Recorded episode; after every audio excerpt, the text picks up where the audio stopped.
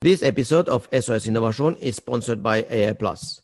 AI Plus is a new international conference with focus on the topic Applied Artificial Intelligence. The digital conference was held for the first time on 15 to 17th of September 2020, and the second edition is set to 19th to 20th of May 2021.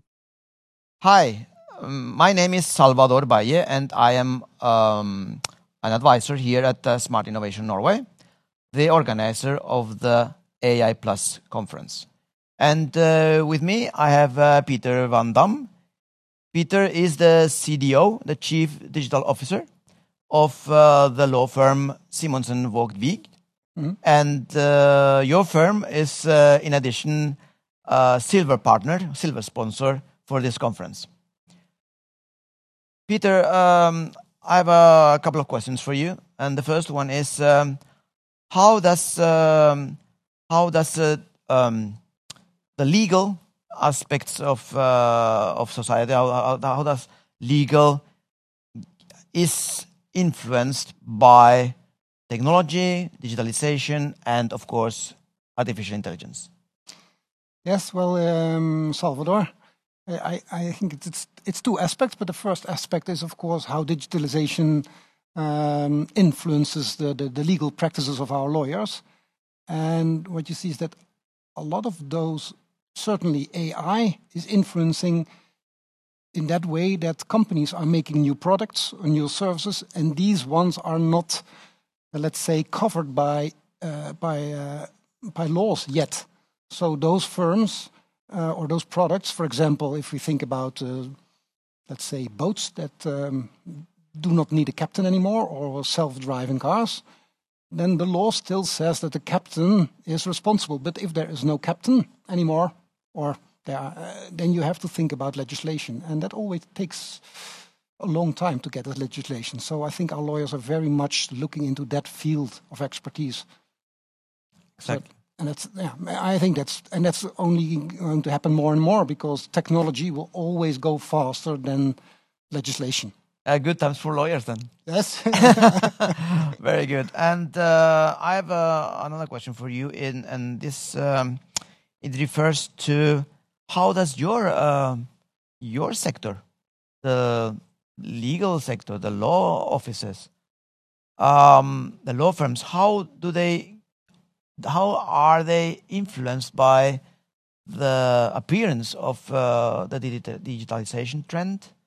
And uh, artificial mm. intelligence because uh, I guess that uh, or what once uh, one once was uh, uh, very restricted um, capabilities mm-hmm. that only lawyers could do. Some of them could be overtaken by robots. Yeah, and some of them are. so, how do you see this influence on, on, on, the future of law firms in general? Yeah, that is uh, interesting because, of course, in in in the legal technology space, uh, we talk already years about that that robots will take over, uh, and they will they take over a, a bit. But just to, to, exemplify it a little bit, we have uh, software that can, for example, read thousands of documents, maybe thirty thousand of documents, and find exactly that email or document that you're looking for. But it's still uh, and especially for the Norwegian law, it's still there that it doesn't change the legal practices because it's still important that if that AI tool finds that document or, let's say, uh, finds a number of data in all those documents, it should be presented in the right way. So now it's still that the lawyers, one, if you get a good result, you still have to go through everything to make sure it's legally check, and they still do not completely believe the AI tool because it's not there yet. But we are getting there. So what you what you still see is that there is enormous push of uh, new startups that present legal um, or AI tools, machine learning tools, but still it doesn't change the core business of the lawyer. What we see, however, is that more and more law firms are predict uh, how do you call productifying and are making products of their services so that they are not only giving legal advice, but with the legal advice also have a product, which is a it's it's a tool. Okay. So you see it starting, So what do you mean is that uh, uh, there is a possibility of uh, having, in a way, two types of uh, services: the Yeah. ones that are packaged, Yeah. and um, and that you can have on demand, Yeah. almost, and the other the other ones that are that uh, crave much more. Uh, how can I say? Uh, uh, to see the the the relationships between uh, subjects and where creativity Yeah. um, uh, plays a much uh, bigger and important role. Exactly. So what you see is that, for example, our strategy, but I guess most law firms have that, that it's not only any, uh, let's say your standard products. For example, if you take a very a contract, an employment contract, that is sort of uh, Standard. base- standard. So pretty much everybody has a kind of tool so that it you just push on a button and get this one, and you can fill out who's the who's the arbeidsgiver, who's the Yeah, the employer. the employer, and who is the other one, which day, how many uh, weeks or a month uh, uh, the contract will be, stuff like that. But of course, what you see is that all the firms want to give more strategic advice, and everything that's standard, they want to package Yeah. in certain tools. So there you see the push of tools getting over. But of course, the tools get smarter, and you see machine learning, AI, and a number of basic tools coming coming up. So I think we will get there. But of course, lawyers, the legal industry is conservative. So it will maybe take a bit longer than in other sectors. Very good. Thank you very much, uh, Peter Van Dam, um, uh, Chief Digital Officer at uh, Simonsen Vågvig, and who, uh, which is uh, silver sponsor for this uh, conference, AI Plus. Thank you very much, uh, Peter, and I'm really looking forward for your uh, to your um, presentation. Thank you very much. Thank you, Mm. Peter.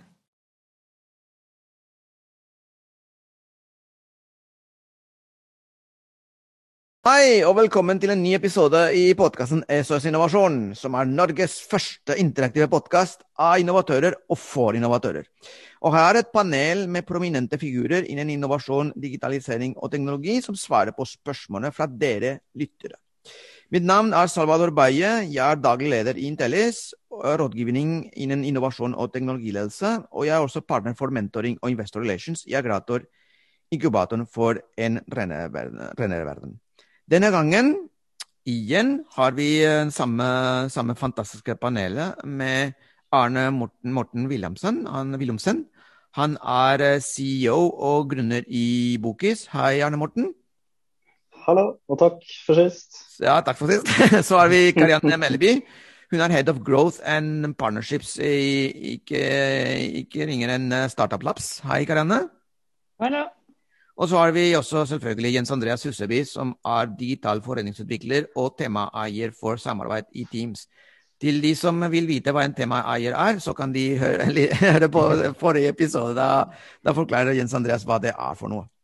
Um, husk at uh, dere bør uh, subscribe på salvadorobaye.com. Da blir dere varslet på en ny podkastepisode når den kommer. Og da kan dere lese bloggen, bloggen min om innovasjon og teknologiledelse helt gratis. Og subscribe på denne podkasten på Apple Podcast og Spotify. Dere kan sende dere spørsmål om innovasjon, teknologi og entreprenørskap til salvadorbaye.com. Uh, lenken finner dere uh, i podkastbeskrivelsen. Eller dere kan gå på uh, Facebook-gruppa SOS Innovasjon og stille spørsmål der. Um, og da kommer vi til å Da kan vi starte med en gang, og med dagens spørsmål, som er som vanlig ikke lett. Den første spør spørsmålet blir finnes det måter å selge innovative produkter til staten og kommuner i, i anbudssituasjonen. Og det andre spørsmålet i dag blir hvilke ordninger kan man adoptere for å beholde talent og kompetanse i en startup? Um, og jeg vil starte med deg, Jens Andreas, i denne, sammenhengen. Um, dere, du jobber i Beck. Mm. Um, du har, og Beck er en uh, velkjent uh, konsulentselskap uh, som har mange kunder. Jeg tipper at mange av disse kundene er kommuner og staten. Ja. og at dere må rett og slett jobbe med anbuds, i en anbudssituasjon i flere, i flere anledninger. Så selges det måter, for, finnes det måter for en, for å selge innovative produkter i det hele tatt? I staten eller uh, i, i, kommun, i, kommune, altså, i kommuner? Mm. Ja, altså Sett fra Becks side, så um, vi jobber jo ofte med uh, si, statlige selskaper, eller statlige halvoffentlige eller heloffentlige bedrifter.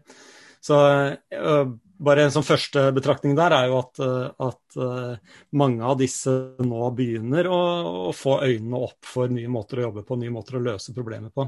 Bare å se på Nav har jo vært en av de store suksesshistoriene når det gjelder si, en digital transformasjon, overgang til smidig produktutvikling, produktteams som selv er autonome og løser problemer selv.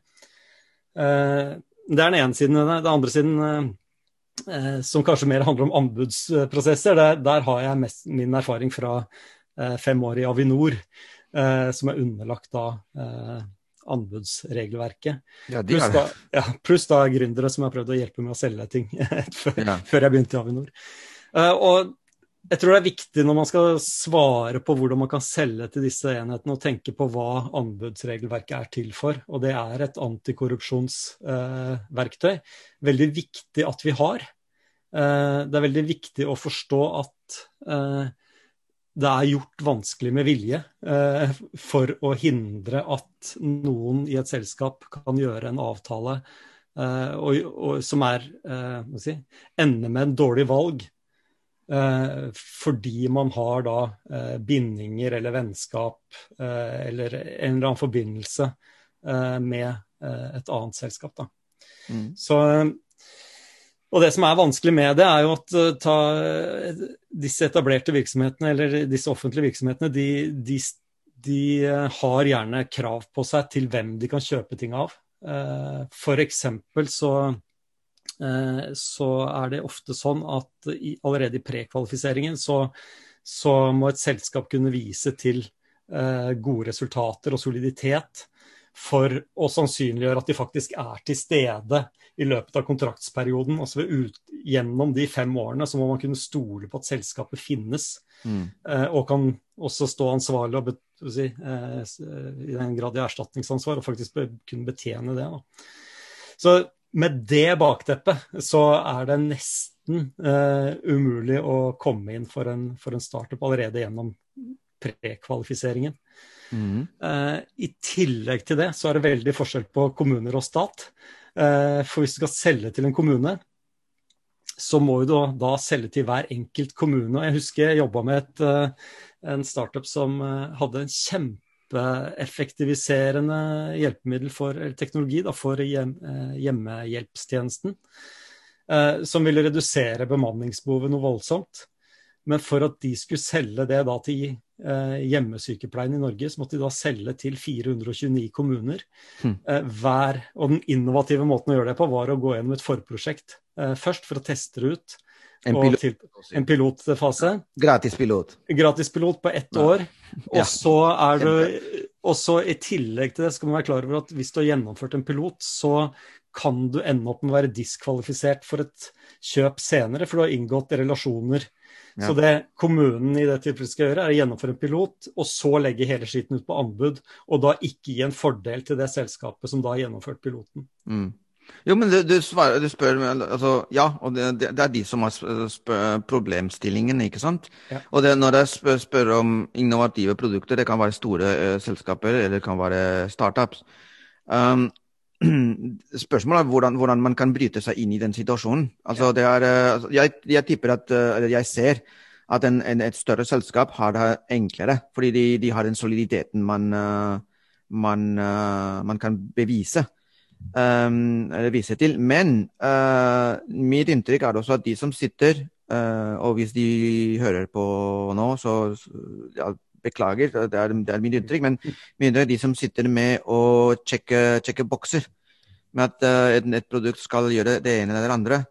Uh, de er bare opptatt av disse boksene. Og, de er, uh, og at det kommer en, en, et produkt som kan til og med være veldig veldig banebrytende og veldig hjelpende på noen områder som disse boksene ikke dekker.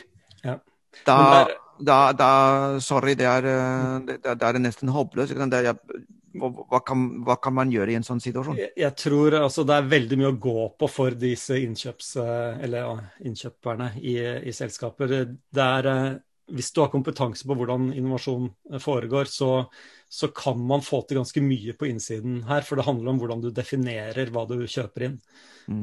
Du kan se på livstids Eller du kan se på det handler egentlig bare om å sette opp de riktige måleparameterne på, på, i, i, vurderingsfasen. Ja, nettopp. Så, men det er, det er, jo ikke så veldig til hjelp for den som sitter på utsida og skal inn. Mm. For du er avhengig av at du har da en kompetanse mm. på innovasjon på innsiden mm. i nærheten av dette innkjøpsapparatet. Og det som skal sies da, det er Nå har jeg tegna et veldig stygt bilde av det her, men eh, det er veldig mye som skjer rundt innovasjon eh, og innovative anskaffelser.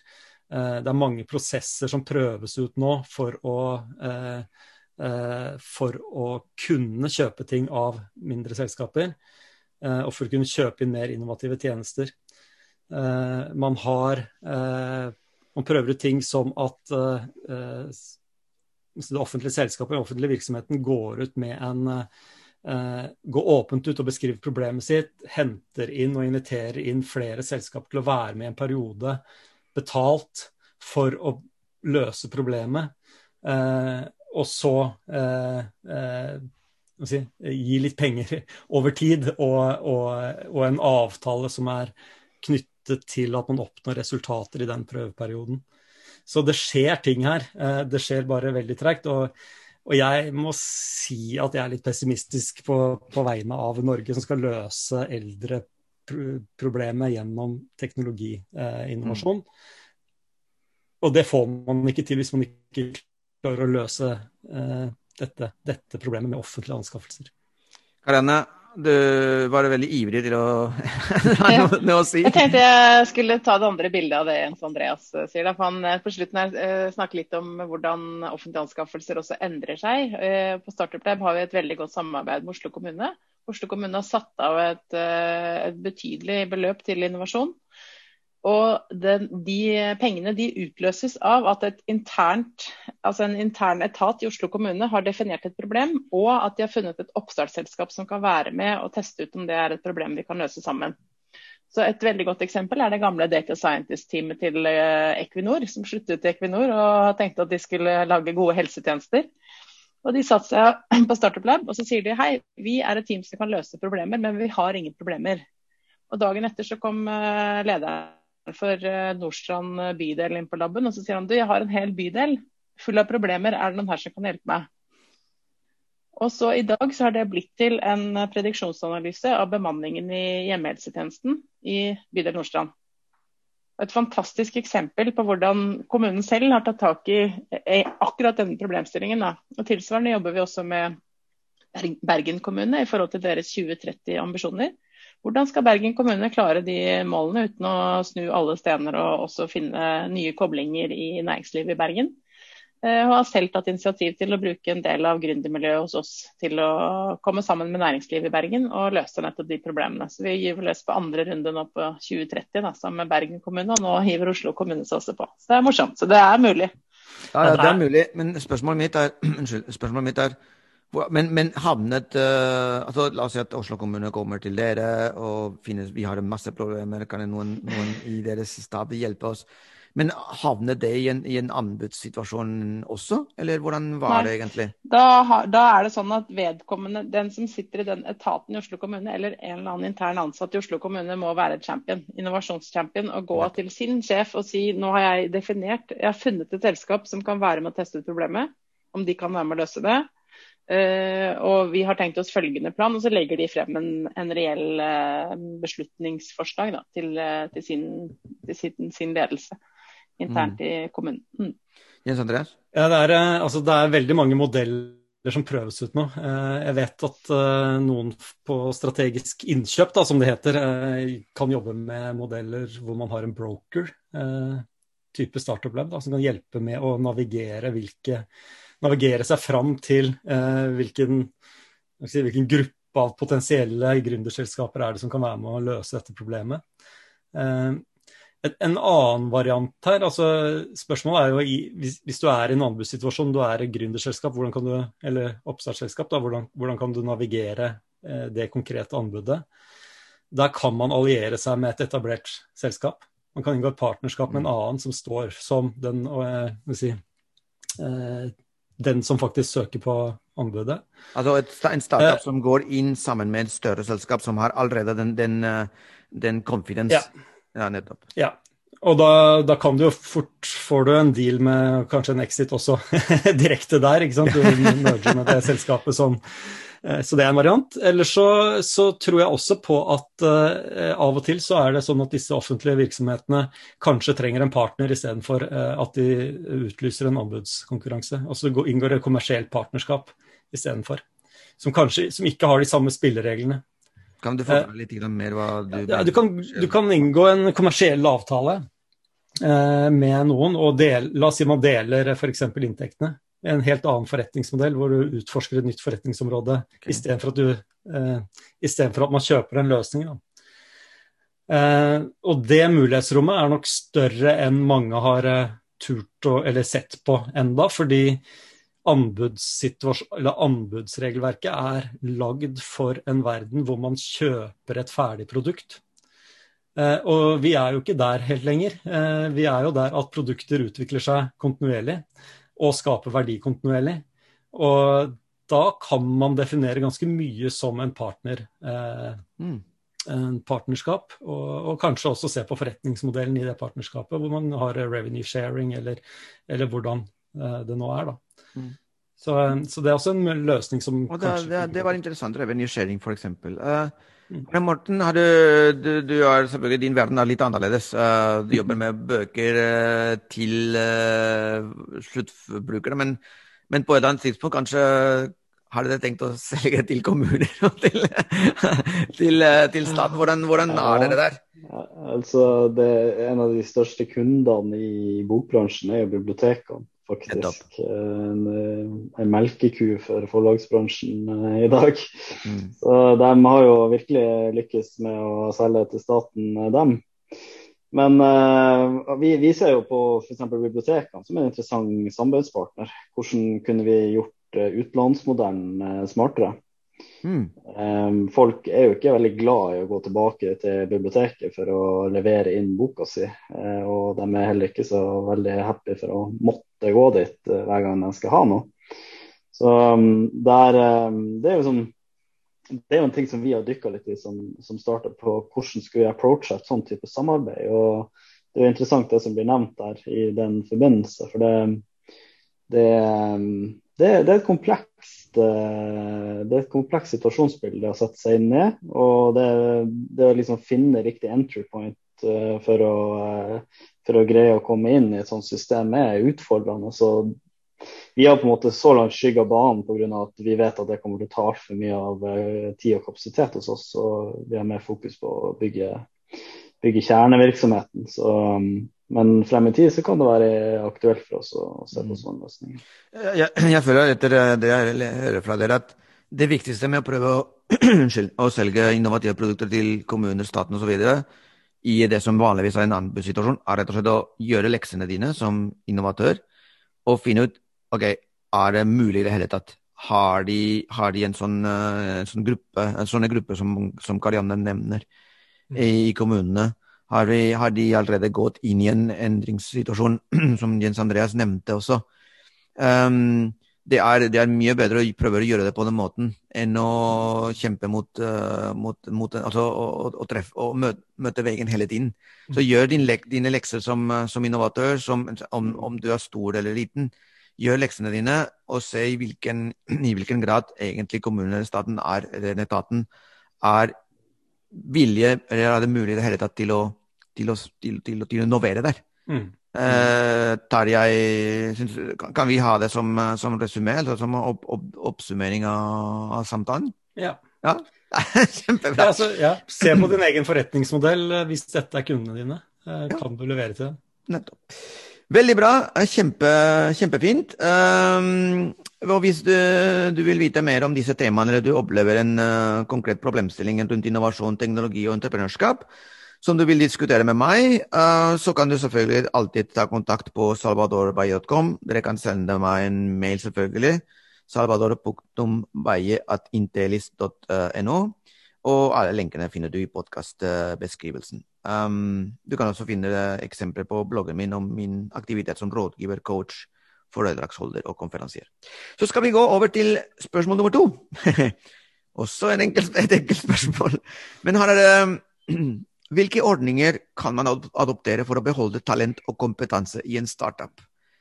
Um, og det syns jeg faktisk selv så synes jeg det er kritisk. Jeg, jeg har en rolle som partner for, uh, for mentorship og investor relations i Agrator, uh, det som tidligere var inkubator Ås. og jeg ser hvordan startups der sliter med å beholde kompetansen, eller rett og slett tiltrekke seg kompetanse.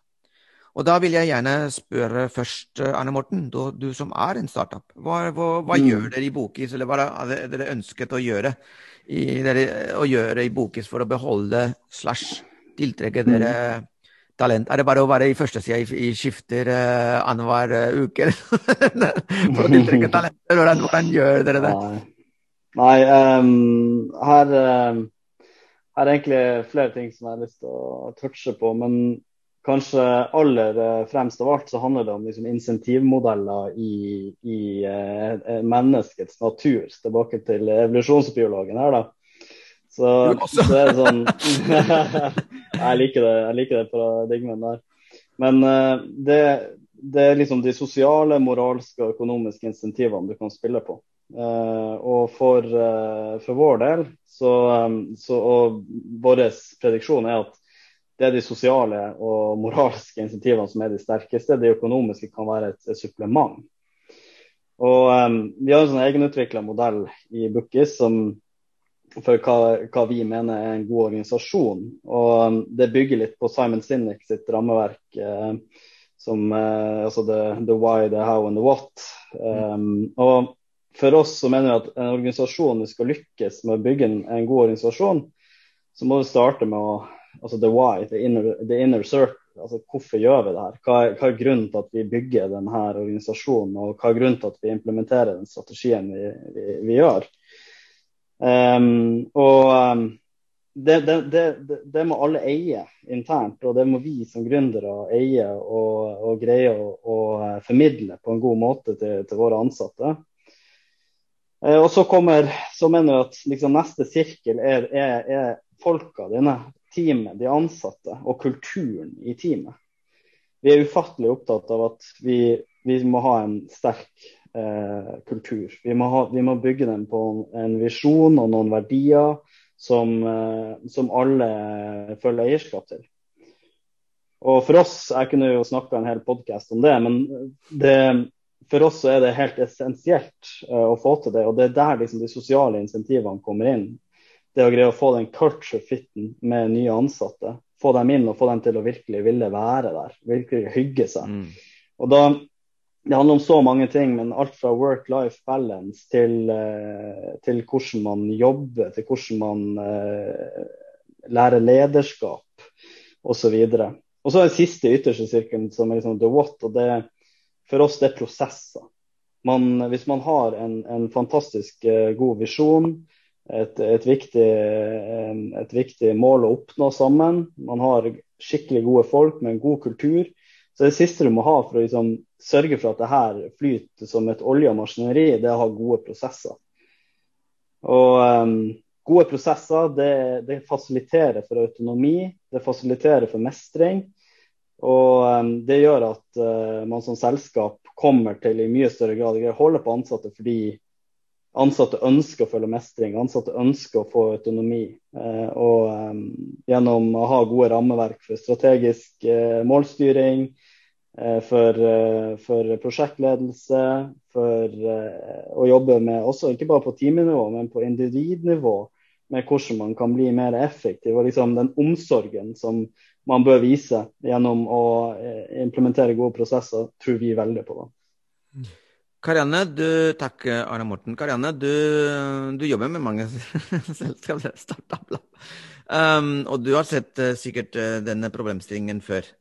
Um, hva, hva, karakteriserer de som uh, lykkes med å beholde eller tiltrekke, altså, trekke til seg talent? Det er jo de som setter av tid til å lage en kultur. Ofte så, så spiser ja, det daglige, det operative organisasjonen spiser, spiser opp uh, overskuddet til å bruke tid på det. Og min erfaring uh, når vi skulle starte selskaper internt både i Telenor og i DNB, så var det også veldig viktig å frontloade antall ansatte. Det kjennes veldig ubekvemt ut når du ikke har penger og ikke egentlig har råd til ikke inntekter og ikke noen investor. Men eh, det å begynne å tenke på hvem er den neste ansatte med en gang, mm. det er kjempeviktig. Og det er noe av det første en investor også spør om. Hvis jeg gir deg penger, hva skal du bruke pengene mine til? Ja. Ja vel, jeg skal ansette. Jeg har allerede definert de to-tre neste eh, kjerneansatte som jeg har tenkt å gå og hente inn. Det er, liksom, det er, så betryggende for en investor. Tenk å bruke mm. penger på å øke kapasiteten i selskapet, ikke til å rote meg ned i backloggen.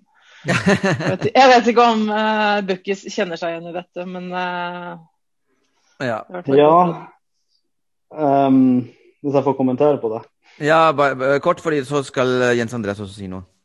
Ja, nei, altså, jeg er helt, jeg er helt enig. Og um, det er nok kanskje også noen av de lessons learned i Bookies. At um, vi, vi, kunne nok ha frontloada litt mer på ansatte og, og med, fått mer kapasitet. Vi, vi, har nok vært veldig konservative der. Men, men uh, jeg tror uansett også det er liksom en sånn det er jo en sånn fase i starten hvor du må bevise product market fit.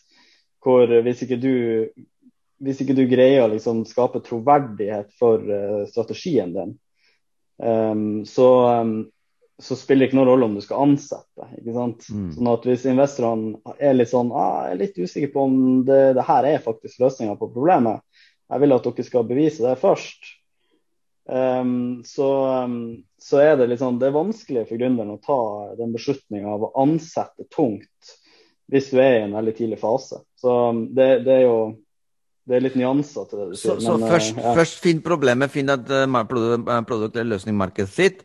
Og så når du er klar over hva du skal gjøre, ha planene klare, gå til investorene med hva du egentlig skal gjøre med pengene deres.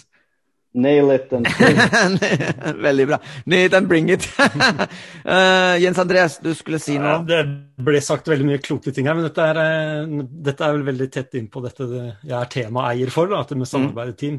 Mm. Og uh, mennesker er jo sånn at man har lyst til å samarbeide, og man har lyst til å bidra inn i et felles prosjekt. Så uh, under visse forutsetninger, da, ikke sant? og det er mye dynamikk og sånn rundt det. Men uh, det handler ofte om å ha si, hyppige nok interaksjoner, at det er synlig at man har bidratt, at andre ser at du er en som bidrar inn mot dette fellesmålet. Og så har man som startup den fordelen at man, har en Det er ganske enkelt da ofte hva målet er, så alle har denne fellesvisjonen. uh, visjonen. Uh, bare av nød, så er det mye enklere. vi, vi, skal hit, vi skal selge bøker som, uh, på, på, vegne av Eller vi skal formidle bøker, bruktbøker. Og vi skal bli best i Norge på det. Uh, kanskje Skandinavia eller verden. sånne enkle ting som man da har en felles, felles prosjekt på, og som man daglig har interaksjoner med hverandre for å og, og, nå, og hvor det er veldig synlig at alle hver og enkelt kan bidra inn i dette felles prosjektet, og at man har noe å bidra med. Sånne ting skaper relasjoner. ikke sant? Plutselig så er det noen som har gjort litt ekstra. Eh, andre sitter og føler at shit, mm. jeg vil også følge på. Mm. Eh, her var det en som var dritflink i å naile et eller annet. Eh, jeg kan bidra med dette. Mm. Få den, den godfølelsen der inn i, inn i, teamet, den gjør at det sosiale limet etablerer seg av seg selv. Da. Kjempebra. Tusen takk eh, til eh, den dyktige panelet med Arne Morten Wilhelmsen, Karianne Melleby og Jens Andreas eh, Huseby. Takk til dere. Og eh, i neste episode i SOS Innovasjon skal vi svare på nok en gang tøffe spørsmål. Hvordan skape balanse mellom innovasjon og drift? Og uh, da håper jeg jeg hører fra deg, Jens Andreas. og tips for å gjøre et lite konsulentskap, uh, konsulentfirma mer nyskapende. Um, tusen takk for uh, denne gangen, og nå er det tid for dagens startup og feature. Takk skal dere ha. Hei, Jørn. her er vi Jørn Martin Slåtten. Slåtten? Slåtten? Slåtten. Han er administrerende direktør i Attenzione og uh, ikke minst er du også, um, du er også uh, mentor i Agrator. inkubatoren for en uh, renere, bedre verden. Mm. Takk skal du ha for det, by the way. uh, Jørn, um, du er administrerende direktør i Attenzione. Hva er Attenzione egentlig? Uh, Attenzione er et relativt nytt, nytt selskap. Det er, I bunn og grunn så er det konsulent- og rådgivende selskap i dag, eh, med utgangspunkt i kommunikasjon og kommunikasjonsstrategi for selskaper. Okay. Jeg er siviløkonom og, og, markedsfører i hjertet, men jeg har og jobbet for en del store kjente selskaper. Men jeg ser at det er en stor utfordring for mange selskaper at man ikke utfører markedsføringen med utgangspunktet i en markedsstrategi og en forretningsstrategi. Okay, mener du at uh, de fleste selskapene bare kjøre med reklame? Eh, dessverre så er det en del sånn. Det er, og det, det, kan ikke skjære alle over en kam. Men eh, for mange små og mellomstore bedrifter så er det jo veldig ofte at man starter litt i feil ende. Og det er litt av det som, eh, som jeg brenner for. Å sørge for å jobbe sammen med ledelse og et styre. Og, og forstå deres forretningsstrategi. Kanskje utfordre forretningsstrategien for dermed å kunne forstå så mye at du kan lage en god markedsføringsstrategi. Mm. Og dermed til slutt så blir det aktiviteter, markedsføringsaktiviteter som bidrar til å nå de finansielle målene til selskapet. Og der tror jeg det er mm. veldig mange selskaper, særlig av små og mellomstore bedrifter, som eh, har en del å gå på. Mm, veldig bra. Hva har du sagt skiller eh, fra andre reklamebyråer og uh, markedsbyråer eller uh, ja, sånn. Uh, alt som har med marketing å gjøre. Hva, hva skiller dere ut? Det, det, som jeg tror skiller mest, mest, er faktisk med utgangspunkt i det jeg fortalte nå, hvor du, du, ikke er en markedsfører som får en oppgave du skal utføre, men du i større grad faktisk går og utfordrer en ledelse eller et styre, pirker de i ryggen og sier at uh, Eh, og selv om du skal utføre kanskje noe som har med kommunikasjon å gjøre, så kan vi også utfordre på helt andre områder for å nettopp få eh, kommunikasjon som fungerer. Eh, og, der ser jo jeg at man skiller seg fra andre. At man er en mer krevende sparingspartner, krevende markedsfører, krevende spiller, som en del betaler meg for å gjøre, for å være krevende. Hmm. Eh, med utgangspunkt i at du skal lage god kommunikasjon som selger på et eller annet tidspunkt. Eh, og I tillegg så eh, har nok jeg og Attenzione en, en, en redd stor gjennomslagskraft. Og vi har litt av den luksusen at de prosjektene vi jobber med, vi velger de litt. Ok, det er luksus. Ja, det, er, det, er, prosjekter og det er selskaper som man da brenner for. Brenner for for hva de gjør, og, men, og ikke minst mennesker man treffer der. Mm. Eh, og da eh, er jo min hypotese at hvis du brenner for noe, så får du også bedre resultater. Mm. Og når du da har muligheten til å velge de prosjektene du jobber med, og du samtidig er i posisjon at du har såpass mye erfaring at du tør å utfordre en leder eller et mm. styre, Eh, så vil du sannsynligvis også få både mer respekt og bedre resultater. Der tror jeg man skiller seg fra en, en tradisjonell markedsfører.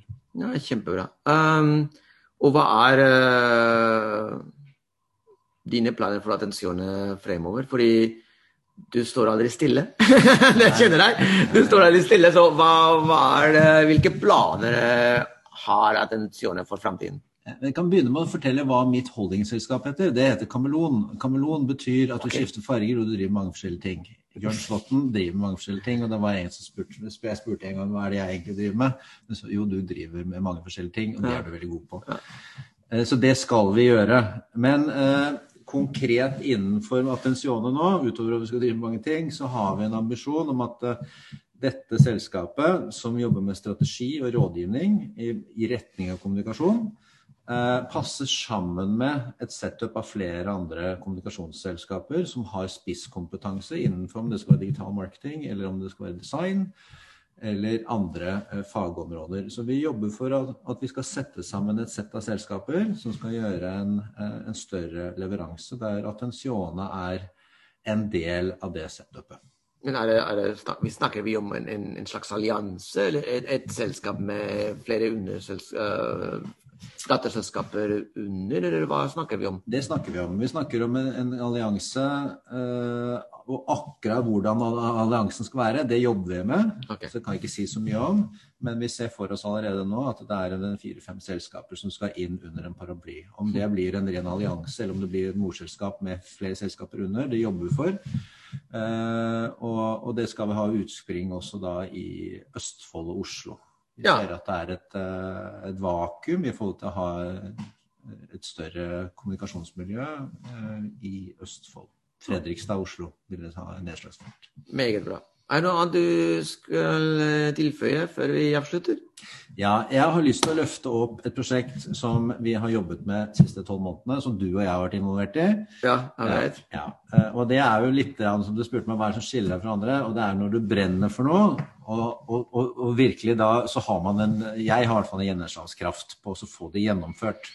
Når Norge stengte ned, så ja. ringte jeg til en del av, av mine bekjentskaper som har godt holdt foredrag, bl.a. deg. Takk. Ja, og Eirik Normann Hansen og Gyrid Bekk og Aksel Kolstad og Torgeir Waterhouse. Og så fikk vi satt sammen et prosjekt som het Midlertidig stengt, men åpent. Der dere, eh, jeg var bare han mannen i bakgrunnen som dro i trådene, og, og, og fikk det opp og gå som et, et konsept og hvordan man var nødt til å omfavne endringene. Både på de teknologiske endringene, men også ta seg selv i nakken for å benytte de teknologiske mulighetene som ikke kom i bakleksa. Eh, det har jeg lyst til å løfte litt opp. Jeg tror det fortsatt er veldig relevant. Vi har fortsatt planer om å dra det videre. Det er ganske mange som har sett på det, det programmet som egentlig var planlagt å være ute på veien. Ja. Eh, det skjedde jo ikke. Pandemien, ass. Kanskje vi kommer på veien i 2022, hvem vet. Men eh, det er et digitalt konsept. Og tror, jeg tror at det er et potensial for det for både for bedriften, men også for hvert enkelt individ. Mm. Det er mange som er lei, og det er mange som jeg har opplevd en del som særlig begynner å bli passive. De aksepterer ja. verden som den er, og det må vi passe på. Ja. At vi ikke gjør verden går videre. Veldig bra. Og hva heter konseptet? Midlertidig stengt, men åpent. Ja, bare i tilfelle du Jeg husker ikke helt eh, om du hadde sagt det, men ja. Midlertidig, midlertidig stengt, men åpent. Mm. Tusen takk, uh, Jørn. Always a pleasure. Og lykke til med videre med attensjonen og de planene der. Takk for det. Takk.